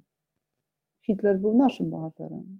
To jest też dowód na to, jak propaganda pierze mózgi, co propaganda robi e, z umysłami całych społeczeństw. E, A już jak może formować i formułować umysły młodych ludzi, no to to jest niesamowite tak naprawdę. Pan Otto żyje, ma się świetnie, mieszka w Olsztynie, jest wspaniałym e, olsztyniakiem, warmiakiem, Polakiem. Jego mama w 1945 roku zdecydowała, że zostają w Olsztynie, mimo tego, że mm, no, bliżej narodowościowo, myśleniowo było im do Niemców. Zostali w Olsztynie i zostali Polakami. Magda, Państwo komentują na bieżąco, pojawia się też jeden z Twoich e, bohaterów, pan Aleksander Tarnawski, pseudonim Upłaz. Pozdrowienia z Gliwic. Właśnie dziś ogłoszono, że Upłaz będzie patronem ławeczki znanych Gliwiczan przy Alei Przyjaźni. Każdy sposób upamiętnienia i poznania jest dobry. Pozdrawiamy bardzo Pani Aniu i bardzo dziękuję też za tę e, informację, tym bardziej, że świeża prosto z Gliwic e, dzisiaj. Ostatni, ostatni cichociemny, proszę Państwa, to był też Tak. już chwilę temu odszedł. Ostatni cichociemny, wspaniały, który też przez całe życie nie mówił o swoich dokonaniach. Nikt w rodzinie nie wiedział, że, że był cichociemnym, że został zrzucony e, z aparatami i e, dolarami w takich specjalnych e, nie wiem, jak to, skrytkach przymocowanych pasy do, miał do na sobie. Pasy, Mhm. tak. Został zrzucony gdzieś koło Babic pod Warszawą, dotarł do Warszawy i no, dowódcom powstania dostarczył pieniądze i sprzęt fotograficzny. A czy ja dobrze pamiętam, e, Magda, że to był też ten pan, który y, dobrze po dziewięćdziesiątce skakał ze spadochronem? Oczywiście, historia? oczywiście, razem z gromowcami, pe- żołnierzami, zresztą do końca swoich dni był w wielkiej przyjaźni e, właśnie z żołnierzami e, GROM, z panem e, Piotrem Gąstałem, e, byłym szefem tej jednostki specjalnej i myślę, że dla wszystkich żołnierzy GROMu no, pozostał i pozostaje niedoścignionym wzorem, niedoścignionym bohaterem. Widziałam, jak go e, fetowali, jak, e, jak mu bili brawo, jak mu ściskali ręce, jak e, on ich klepał po ramionach, jak, jak był z nich dumny, a oni naprawdę, no to było niesamowite spotkanie. Zobaczyłam ich wszystkich razem. Stary, wspaniały, cichociemny i młodzi, wysportowani, ale doświadczeni faceci, e, wpatrzeni w niego jak, jak w obraz, tak, to była taki, taka sytuacja. Ale to fajnie, dziękuję Pani Janie za tę informację o tej ławeczce znanych Gliwiczan. Ja się spotkałam z panem, z panem e, Tarnowskim w jego domu w Bielsku Białej, bo on tam wyjeżdżał na wakacje, więc tam pojechałam i tam spędziliśmy prawie cały dzień. Magda, ja czytając wszystkie historie, rozmowy z twoimi bohaterami, bardzo dużo też sobie myślałam o tym, jak wygląda sprawa wiary i niewiary. Bo sama zadałam sobie Mm. pytanie, że chyba po takich doświadczeniach wojennych y, nie byłabym w stanie mm, ocalić w sobie wiary w Boga, bo dudniłoby mi w głowie cały czas jedno pytanie: gdzie jest w takim razie ten Bóg, skoro na to pozwala? E, I to jest niezwykłe, jak e, czytając Twoją książkę, obserwujemy, jak różne postawy można w sobie mieć. Od e, ateizmu po właśnie mm, wprost mówienie o wierze, która pozwalała ocalić życie, która pozwalała się czegoś złapać. Co z tych opowieści w Tobie najbardziej zostało? Bo przyznaję, że no tutaj na tę sprawę można patrzeć skrajnie wręcz biegunowo, że gdzie wiara w takim koszmarze w piekle, a właśnie no, łapanie się, jak to powiedziała pięknie pani Zofia Posmysz, którą udało ci się, e, można powiedzieć, złapać w ostatnim momencie. Zresztą przepiękna kobieta, też bym chciała przynajmniej powiedzieć o piękni ludzie, bo, bo ich widać ich twarze dzięki zdjęciom. E, Bo powiedz też, kto robił zdjęcia, to jest też bardzo dobry Mhm. moment, żeby o tym powiedzieć. E, No ale właśnie e, ona mówiła między innymi zarówno o bezimiennych obozowych świętych, o tych ludziach, których nawet i nazwie, nazwisk czy imion nie znała, ale którzy podali jej rękę i którzy pozwali jej przetrwać, ale też pięknie mówiła o Bogu, więc jak ta kwestia wiary i niewiary w, w Twojej głowie, w, kiedyś słuchałaś, co się w Twojej głowie i w sercu działo? To też jest podział, tak jak na tych mówiących i niemówiących. Część e, z moich bohaterów straciła wiarę. Straciła wiarę, e, bo te wydarzenia, w których byli uczestnikami, e, im tę wiarę odebrała. Natomiast, no tak jak pani Zofia Posmysz, pani Anna Szałaśna, też więźniarka obozu w Oświęcimiu, w Auschwitz, albo pan Leszek Żukowski. Pan Leszek Żukowski mówi wprost, gdyby nie wiara, to bym, by było mi ciężko, to bym nie przetrwał. Ja myślę, że ja to tak rozumiem, że w takich sytuacjach, kiedy nikogo nie ma przy tobie, no to jest Bóg. I jeśli masz tę wiarę i tę siłę i poczucie, że On jest przy tobie, że, że cię wspiera, mm, czasem masz przy sobie ten e, medalik, czyli coś, co możesz dotknąć, dotknąć tego Boga tak namacalnie, Ten materialnie. różaniec robiony z chleba, prawda? Chleba, tak, albo różaniec zrobiony z chleba. Pan, pan Żukowski miał chyba medalik. Kupił medalik, z tego co pamiętam. Kupił medalik. Czy za chleb, czy za papierosy? No właśnie, nie pamiętam. E, To, to może dawać siłę.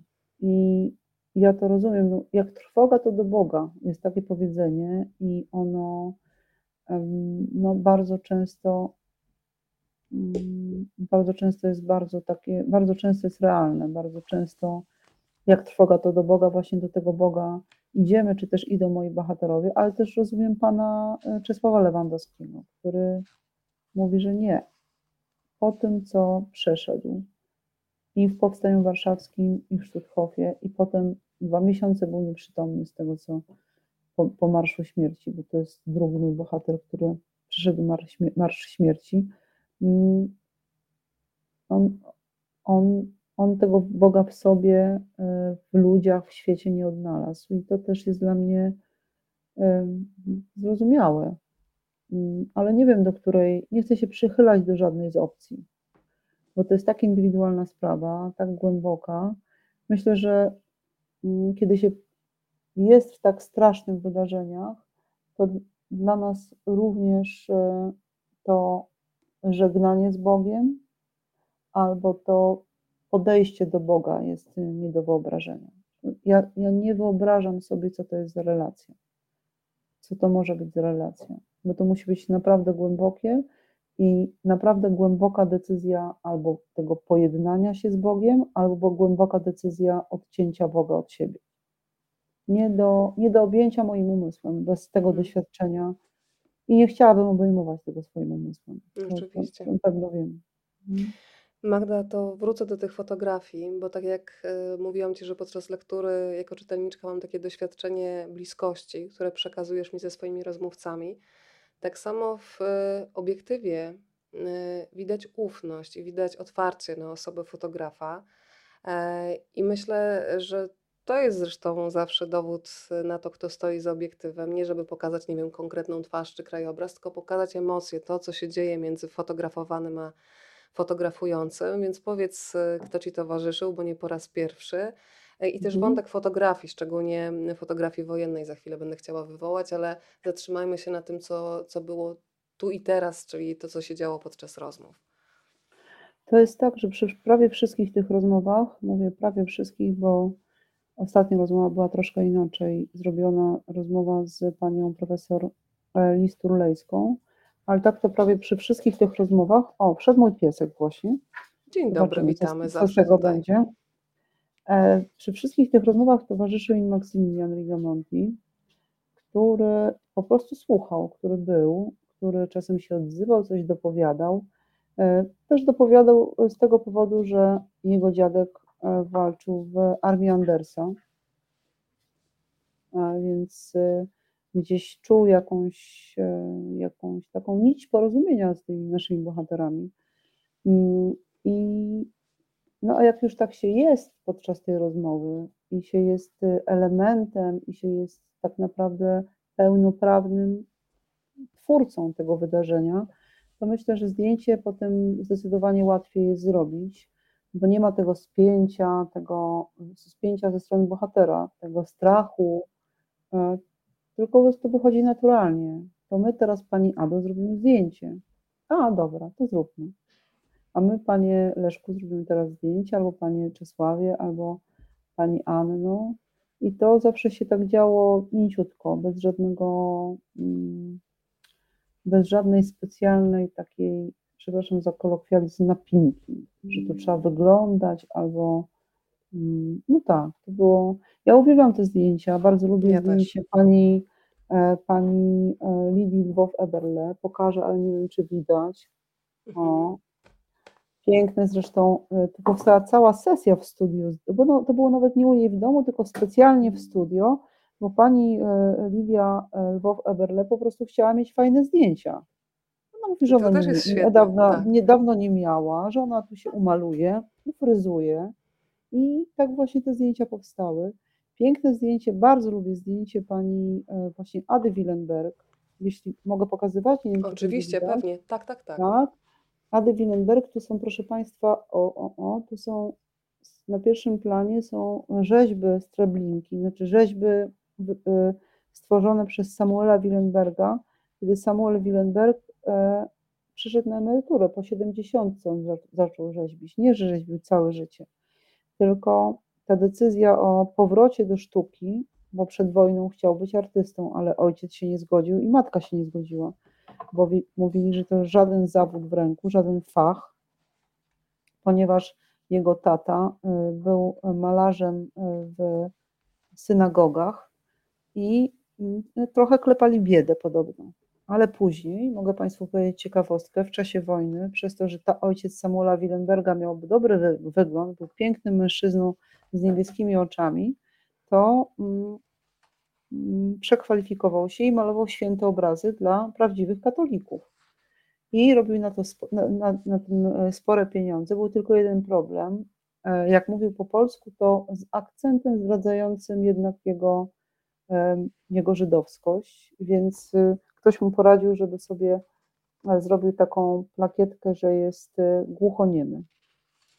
A, I on zrobił sobie taką plakietkę, ale później też miał ogromny problem. Tego w książce nie ma, bo to mi Ada ostatnio opowiadała. mhm. Ada Willenberg. E, Też był z tym ogromny problem, bo jak ludzie do niego podchodzili i zamawiali jakiś obraz, to on bardzo trudno to przeżywał, bo ludzie się strasznie darli mu do ucha. I on się bał, że popękają mu bębenki, więc ktoś mu doradził, że napisał, że jest niemy, ale nie głuchy. I on taką plakietkę sobie zrobił. Tak. I, I to taka mała dygresja o e, losach wojennych pana e, ojca Samuela Willenberga. Natomiast Samuel Willenberg wrócił do rzeźbienia i przez e, dobrych kilka lat, do swojej śmierci w 16 roku, rzeźbił. Jego rzeźby są w Polsce. Teraz ostatnio były we Wrocławiu, będą w Warszawie, a plan jest taki, że jeśli powstanie e, muzeum w Treblince, to te rzeźby staną w Treblince. Tam, gdzie ich jest miejsce, no bo to są naprawdę sceny, piękne sceny z piękne. Piękne to jest słowo, które nie powinno tu paść. To są sceny, które on zapamiętał z Treblinki właśnie. Chciałam Państwu jeszcze pokazać pana Tarnowskiego, ale o, 147 strona. Już pokazuję.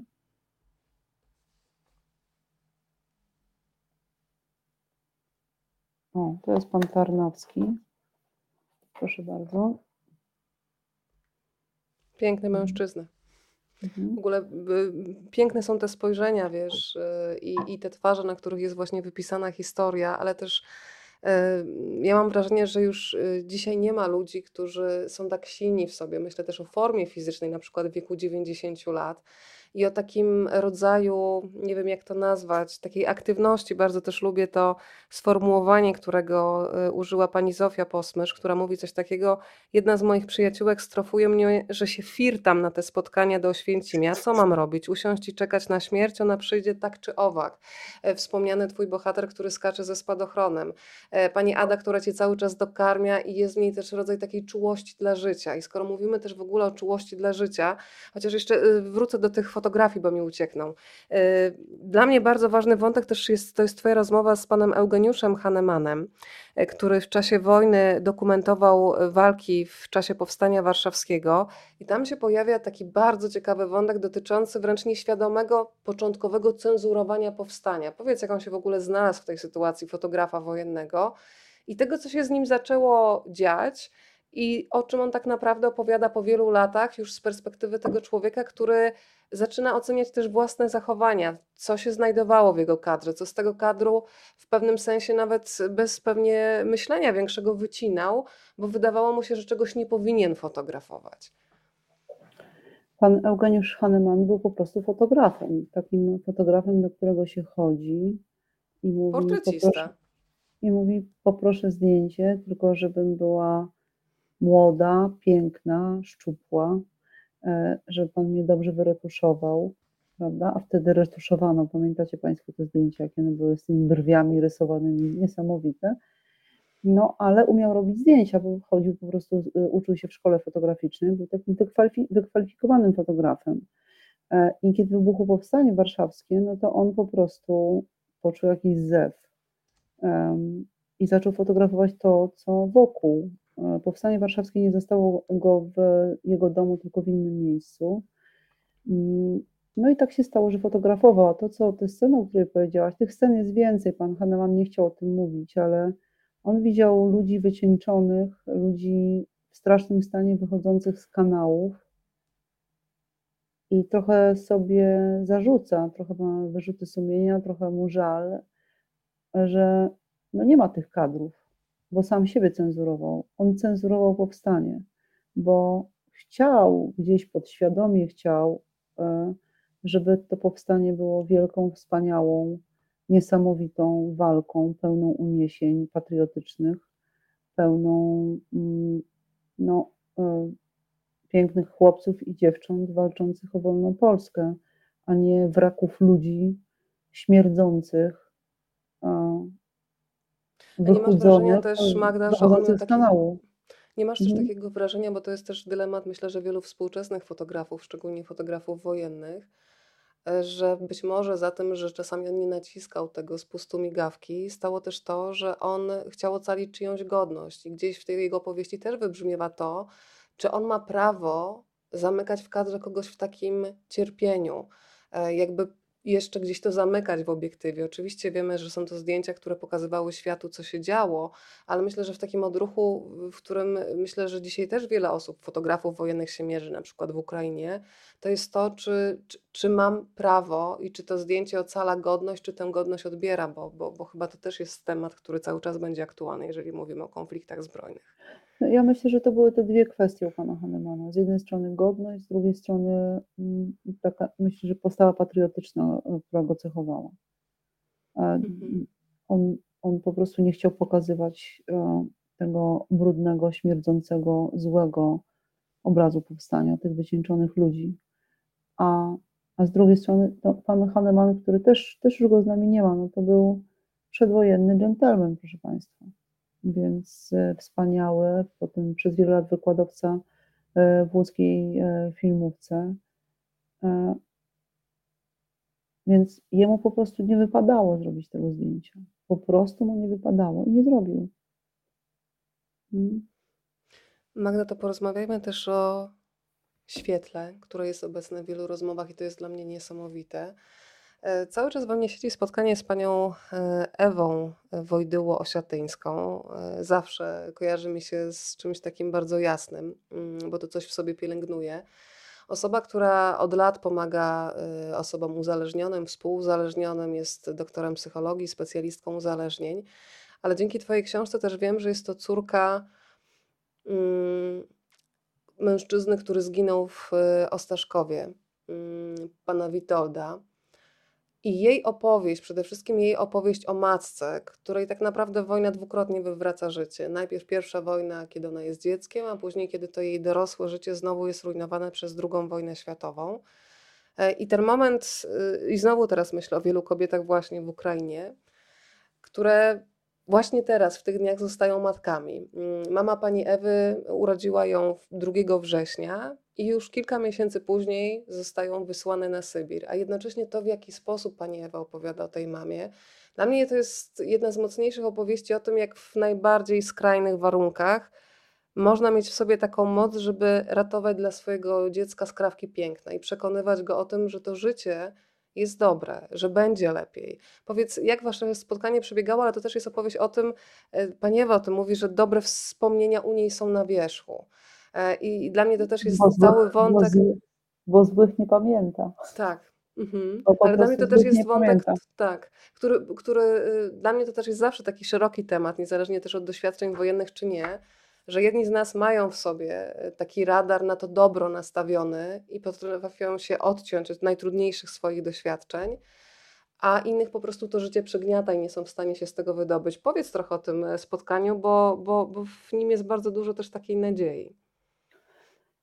E, Ewa Wojdyło urodziła się 2 września 1939 roku, więc drugiego dnia wojny. Jej mama, która mm, razem z tatą mieszkali w Wilnie. Tata Witold Wojdyło był wziętym doktorem. Mm, został w Wilnie, został za chwilę w, w, wcielony do, e, do armii, a dziewczyny, czyli mama Wojdyło i jeszcze Ewa w brzuchu, pojechały do innego miasta i tam się urodziła Ewa, a za chwilę, a właśnie, a za chwilę, bo po kilku miesiącach obie już były gdzieś w gdzieś na, Syb na Sybirze, gdzieś na kazachskich stepach. Ewa Wojdyło to jest dla mnie niesamowite, bo jak e, rozmawiałyśmy, to Ewa mówiła, wojna mnie nie dotyczy. Wojna mnie nie dotyczy. Ja mam tylko dobre wspomnienia.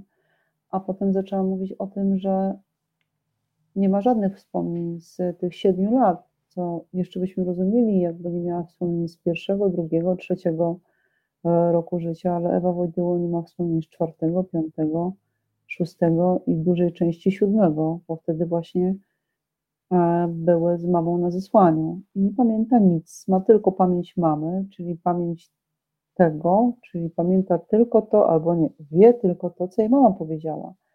Zna historię z, tej, e, z tego Sybiru i to bardzo szczegółowe, jak, jakie były dzieci, w co się bawiły, jak wyglądały, jak, jacy byli dorośli, jakie kobiety rosyjskie, kto komu pomagał. Natomiast wszystko to jest, wszystkie, wszystko to jest zapożyczone z pamięci pani Wojdyło, z pamięci mamy pani Ewy Wojdyło. Mm, Ewa Wojdyło opowiada mi, mówi w, te, w tej rozmowie o, o tym, że ona, były takie momenty w jej życiu, że ona chciała sobie przypomnieć, chciała próbowała różnymi metodami e, do tej swojej dziecięcej pamięci dojść. E, rozmawiała, była wówczas, studiowała w Stanach, była tam na stypendium, studiowała psychologię i rozmawiała z, e, z, i z psychiatrami, i z terapeutami na ten temat, jak, jak do tego wrócić, jakimi metodami. Potem pojechała mm, niespecjalnie, ale pojechała w, z, jakąś, z jakąś ekspedycją e, naukową do e, Rosji. Tam się znalazła w Almaacie i e, trochę wymusiła na tych organizatorach tego wyjazdu, żeby pojechali na ten step, na ten, ten sam step, na którym ona z mamą była, bo myślała, może jakiś zapach, może powiew wiatru, może przyroda, może jakieś skrawki innych elementów przywołają, obudzą tę pamięć i też nic. Więc e, Ewa Wojdyło ma teraz 83 lata, ale tylko 75, e, dobrze mówię, 76 e, świadomie pamięta, a te 7 jest ciągle wycięte. Natomiast Ewa Wojdyło ma w sobie rzeczywiście niesamowite światło, niesamowitą takie podejście do, do świata, które buduje, a nie rujnuje. Nie cierpi, tylko się cieszy myślę, że bawi się życiem, cieszy się każdym dniem i, i to jej nie przeszkadza, że nie pamięta. Natomiast to jest dla mnie niesamowite, że za każdym razem, jak ktoś puka do jej drzwi, teraz do drzwi Ewy Wojdyło, która ma 83 lata, to ona idzie się poprawić, popatrzeć w lustro, jak wygląda, bo to może tata. Tata, którego nigdy nie widziała. Dla mnie to jest tak niesamowite, że naprawdę jak to mówię, to, to, to, to jest, jest to dla mnie takie poruszające i wzruszające. Nie widziała tego taty nigdy w życiu, a został zamordowany, tak jak został zamordowany strzałem w tył, w tył głowy w tej śmierci katyńskiej w Ostaszkowie. Na jednym z, został ekshumowany na jednym z, z tak zwanych cmentarzy katyńskich. Witold Wojdyło i, i myślę, że ta rozmowa jest też taka trochę oddaniem pamięci e, ojcu, bo w tej rozmowie jest bardzo, bardzo spory kawałek o, o, tym, e, o tym życiu, które nie było w ogóle udziałem Ewy Wojdyło, no bo jej nie było, ale była jej rodzina, były, byli jej rodzice i było szczęście, bo bo ten czas międzywojenny był dla państwa Wojdyłów chyba wspaniały. Tak, i Jak ona o nich opowiada, też... myślę, że w genach odziedziczyła tę wspaniałość i tę, niesamowitość. Naprawdę uwielbiam ją, uwielbiam jej słuchać i, i lubię te rozmowy bardzo. Więc... Ja ją bardzo lubię, też się tutaj y, przyłączam do wyrazów uwielbienia dla pani Ewy i też została we mnie ta opowieść jak e, bardzo mama też dbała przez lata o to, żeby pamięć o tacie była obecna i też mówiła, że ona widzi właśnie w pani Ewie swojego no męża i że to jej właśnie pozwalało też przetrwać, a y, mówi też w tej rozmowie pani Ewa, że mama nie doczekała tego momentu informacji o tym, jak się skończyło życie pana Witolda.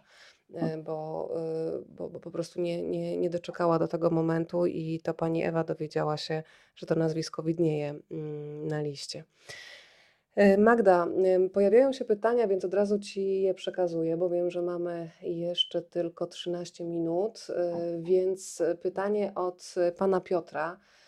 Słuchając, aż ściska mnie gdzieś w żołądku, jak pani sobie radziła z tymi wszystkimi wysłuchanymi historiami, z historiami, jak bezmiar tych wszystkich cierpień zmieścić w sobie bez uszczerbku na zdrowiu. To ja się podpinam do pytania pana Piotra, bo e, to jest jeden z tych tematów, jak właśnie zrobić tę przestrzeń, żeby pomieścić ogrom tego cierpienia i jak w tym wszystkim Magda zadbać faktycznie również o siebie, żeby móc ponieść tę historię dalej w świat. No, e, ja jestem dziennikarką i e, mamy te, mm, ten przywilej, że ja mam ten przywilej, że jak słucham tej historii raz, to potem jeszcze w domu słucham jej kolejny raz, bo przecież mam ją nagraną i muszę ją napisać, najpierw spisać, a potem napisać, potem ułożyć, stworzyć. I ja się trochę wypisuję dzięki temu. To znaczy wypisuję słuchając drugi raz tej historii, te emocje opadają. E, I to jest ten przywilej. A druga rzecz jest taka, że wydaje mi się, i rozmawiam o tym, rozmawiałam o tym z Katarzyną Włodkowską, która mhm. zajmuje się, myślę, że zdecydowanie cięższymi tematami ode mnie. Wyszła właśnie książka na, na, oca, na oczach wszystkich. Kasia o, będzie też gościem u Państwa gościem. w domu, mhm. więc tak. Kasia też, e, mm, zaczyna szkolić, e, studentów z tak zwanego dziennikarstwa traumy, e, na SWPS-ie. To jest, myślę, że bardzo i studentom potrzebne, ale i nam dziennikarzom bardzo potrzebne. Jak, rozmawiać z ludźmi takich po takich trudnych przeżyciach, ale jak potem sobie samemu radzić, z tym, co się usłyszy. I ja uważam, że, mm, każdej redakcji powinien być psycholog. Naprawdę.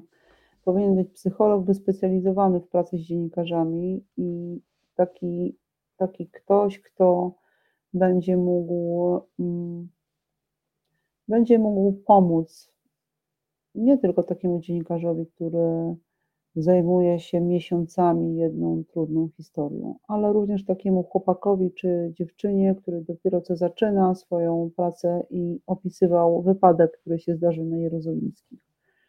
Bo mógł widzieć rzeczy, e, które e, odcisną piętno na jego życiu i może sobie sam z nimi nie poradzić i może potrzebować, e, potrzebować pomocy. Ja mm, mm, spotykam się z panią terapeutką i to jest, y, uważam, bardzo, bardzo mm, pomocne i bardzo takie stawiające czasem do pionu.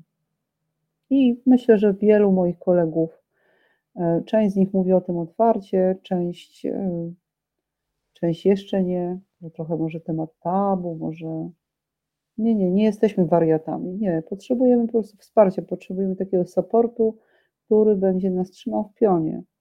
Bo rzeczywiście są takie historie, które nie tylko ściskają za gardło, nie tylko ściskają w żołądku, nie tylko wywołują dreszcze, ale mogą powodować to, że się będzie miało trudności w codzienności ze spaniem, z odpoczywaniem, z relaksem. I czasem potrzebna, potrzebna jest y, jest no taka, Kasia Włodkowska by powiedziała superwizja, a ja powiem spotkanie z kimś, kto wysłucha Ciebie. Powiedziałaś o tak. tym, że przydałby się w każdej redakcji psycholog. Czy była kiedykolwiek jakaś redakcja, w której pracowałaś, gdzie ten psycholog był i powiedzmy, że Nie, są redakcje ale... za granicą, gdzie to jest już normą, prawda? Jest, ale my jesteśmy naprawdę demokracją 30 lat, a w tych krajach, gdzie jest e, norma, e, w New York Timesie jest psycholog, w Washington Post jest psycholog, w innych dużych e, e, redakcjach, nie wiem czy w BBC, czy w CNN nie jest, ale być może, być może mają kogoś takiego. Nie wiem, czy w dużych, e, dużych telewizjach u nas w Polsce jest, ale być może. Być może, a jak nie, no to nie na etacie, to, to być może ktoś, kto świadczy usługi na rzecz danej korporacji czy danej redakcji. Myślę, że to, to wydaje się potrzebne i Momentami to jest po prostu bardzo trudny zawód, jeśli się zagłębiasz w jakiś temat, siedzisz w nim, zajmujesz i on jest takim obciążeniem, które może mm, rzutować na, na, na życie codzienne. Bo my przecież ten zawód nie polega na tym, że my kończymy pisać, wysyłamy tekst i, i po nas, prawda? I zamknęliśmy swoją księgowość, tylko, tylko zostajemy w tych tematach, w tych rozmowach, w tych spotkaniach. No, tak jak powiedziałam prawie na początku, no z, z moją Adą Willenberg widzę się bardzo często ostatnio i mam nadzieję, że będę się widzieć jeszcze częściej, chociaż ona jak opowiada historię, to one nie obciążają. One są po prostu, one tak między krążą, ale nie odkładają się. Ona jest chyba sama y, i świetną terapeutką dla siebie, i świetną terapeutką dla swoich rozmówców. Jak Państwo przeczytacie tę rozmowę z nią, z nią to no, mam taką nadzieję, wierzę w to, że nie zostaniecie obciążeni, tylko mm, raczej tak otuleni tą wojenną historią. Państwo y, piszą też Magda o tobie, że masz na pewno dar słuchania i otwierania swoich rozmówców. I myślę, że nawet y, ten czas, który dzisiaj spędzamy z Tobą, jest najlepszym dowodem y, na to, jak dobrze się człowiek czuje w Twoim towarzystwie. I mimo, że mówisz o tematach bardzo trudnych, to masz w sobie taki rodzaj spokoju, w którym człowiek chce przebywać, więc też od razu Ci to mówię mm, przed Państwem dzisiaj po prostu bardzo wrażliwa dziennikarka, zresztą wielokrotnie nagradzana. Ja wspominałam dzisiaj i o nagrodzie Grand Press, i o nagrodzie Dariusza Fikusa, o mediatorze. Oczywiście tych wyróżnień dla Ciebie i docenienia przez branżę było sporo. E, ale myślę, że czymś, co mnie najbardziej niesie w życiu, to są właśnie spotkania z tymi ludźmi, którzy siedzą przed tobą i dzielą się mm, najbardziej szczerymi historiami. Pojawiło się takie pytanie, które ci przekażę od pani Hanki, która zapytała, skąd wziąć siłę na lekturę tak ważnej książki. Myślę, że to jest krótkie pytanie, które tak naprawdę otwiera taką przestrzeń, bo bardzo często słyszymy o tym, że ja na przykład, tak jak mówiłaś o pani Adzie, że byli ludzie, którzy nie chcieli słuchać, albo są ludzie, którzy od początku mówią, że nie, ja po takie książki nie sięgam, bo na przykład wiem, że potem się nie poskładam emocjonalnie, więc nie wiem, co zrobisz z tym pytaniem. Ja proponuję, żeby sobie dozować i czytać po jednym wywiadzie, nie robić tego za jednym zamachem, chociaż e, znam e, czytelników i czytelniczki, którzy sobie to zrobili, przeczytali za jednym zamachem. Mm. No i no, no właśnie, aż trochę zamarłam, bo to chyba nie jest dobry pomysł, żeby tak usiąść, przeczytać od razu te 16 wywiadów. Proponuję Pani Hanko dozowanie. Dozowanie po jednym, po dwa. Może Pani do mnie pisać, jak Pani ma ochotę na czacie, na Facebooku, po każdym wywiadzie, a ja będę Pani odpowiadać. Bardzo Ci dziękuję, Magda, za tę deklarację też. To na koniec mam pytanie. Yy do ciebie o to, z kim teraz spędzasz czas, na ile w ogóle możesz powiedzieć, bo wiem, że tak mi się wydaje, że jesteś taką osobą, która bardzo jasno sobie ustawiła teraz priorytety i ty wiesz, że czasu nie jesteśmy w stanie zatrzymać. I tak jak piszesz e, we wstępie do niewygodnych, ty łapiesz tych swoich rozmówców, bo oni odchodzą. E, I to jest niestety naturalna kolej rzeczy, więc mam wrażenie, to są moje przypuszczenia, ale że ty jeszcze przez jakiś czas będziesz zanurzona w temacie wojny żeby pisać i pokazywać, do czego prowadzi niepamięć o tamtych e, czasach i żeby pokazywać, że zmienia się często scenografia, ta historia wraca w zwielokrotnionej wersji z e, okrucieństwami, które też wiążą się też z technologią, gdzie w ciągu jednego dnia można zdmuchnąć z powierzchni ziemi całe miasta. Więc czy, czy wojna to będzie nadal Twoja tematyka przez najbliższe lata? Najbliższe lata to nie wiem, ale na pewno przez najbliższy rok Mhm. Bo rzeczywiście, tak jak powiedziałam, byłam w Izraelu nie tak dawno, gdzie spotykałam się z e, no, ostatnimi ocalonymi, 90-parolatkami. Mm, mhm. I to będą też na pewno bohaterowie mojej książki, ale też tam będą ludzie, którzy wojny nie przeżyli, a patrzą na nią e, ze swojej żydowskiej perspektywy. Mm, więc taką książkę planuję i mm, i planuję też na pewno, chyba na pewno wielką epopeję o Adzie Willenberg. E, to jest, e, to jest mój plan. Natomiast e, no ja pracuję na co dzień w Onecie i tam mm, i tam publikuję wywiady, które nie są z wojną związane, choć choć już mnie korci, już mnie korci, już mnie korci i już mnie chyba przykorciło, że jednak przygotuję serię podcastów, które w jakiś sposób, w jakiś sposób będą związane z wojną i tą wojną, która się toczy teraz bardzo blisko nas, w zasadzie u nas można powiedzieć, wojną y, w Ukrainie i tą wojną i drugą wojną światową. Y, to na pewno. Y, natomiast wspominałam wspominałam o Katarzynie Włodkowskiej i pierwszy raz to zrobiłam, ale dlatego, że przeczytałam jej książkę. Przeczytałam jej książkę na oczach wszystkich. Wszystkim polecam i też nie wiem, czy na raz, czy trzeba sobie dawkować, czy dozować. Jutro w Onecie w okolicach południa będzie wywiad z Katarzyną Włodkowską o tym, co jest w tej książce, czyli o o, nie powiem o czym. To ja to mhm. Państwu też powiem, że czekam na spotkanie z Kasią w drugiej połowie października się widzimy. Podam Państwu już wkrótce dokładną datę i godzinę, tak żeby sobie Państwo mogli też zarezerwować wieczór. Magda, bardzo Ci dziękuję za Twój czas, za Twoją wrażliwość, za poszerzanie w nas też czytelnikach takiej przestrzeni na przyjmowanie historii w całości. E, na pokazywanie, do czego e, prowadzi też milczenie czy zamykanie oczu. Bardzo Ci za to dziękuję. E, Mam dla Państwa, tak jak obiecałam, dwie książki od wydawnictwa Wielka Litera i umówmy się, że mail drugi i dziewiąty, który wpadnie do mojej skrzynki, zostanie nagrodzony. Dzisiaj 29 września, więc tak to sobie szybko rozdzieliłam. Rozmawiam, bo lubię, małpa gmail.com, rozmawiam, bo lubię, małpa gmail.com. Po programie zajrzę i odpiszę mm, e, Państwu, komu się udało w takiej, a nie innej kolejności wskoczyć e, do środka. Magda, pięknie Ci dziękuję za czas. Czy pies się tam umościł? Czy to jest pora już spacerowa, czy Umościł się, umościł. umościł? A powiedz, czy on Ci też pomaga odreagowywać? Bo dzisiaj rozmawiałam z Agnieszką Jucewicz, z którą się widzę zresztą jutro i z Marianną Sztymą, bo porozmawiamy o książce Bajka o lęku i o tym, tam też jest bardzo ważny wątek, co się dzieje z tym, kiedy o czymś nie mówimy, bo to wcale nie znika, tylko rośnie to jutro.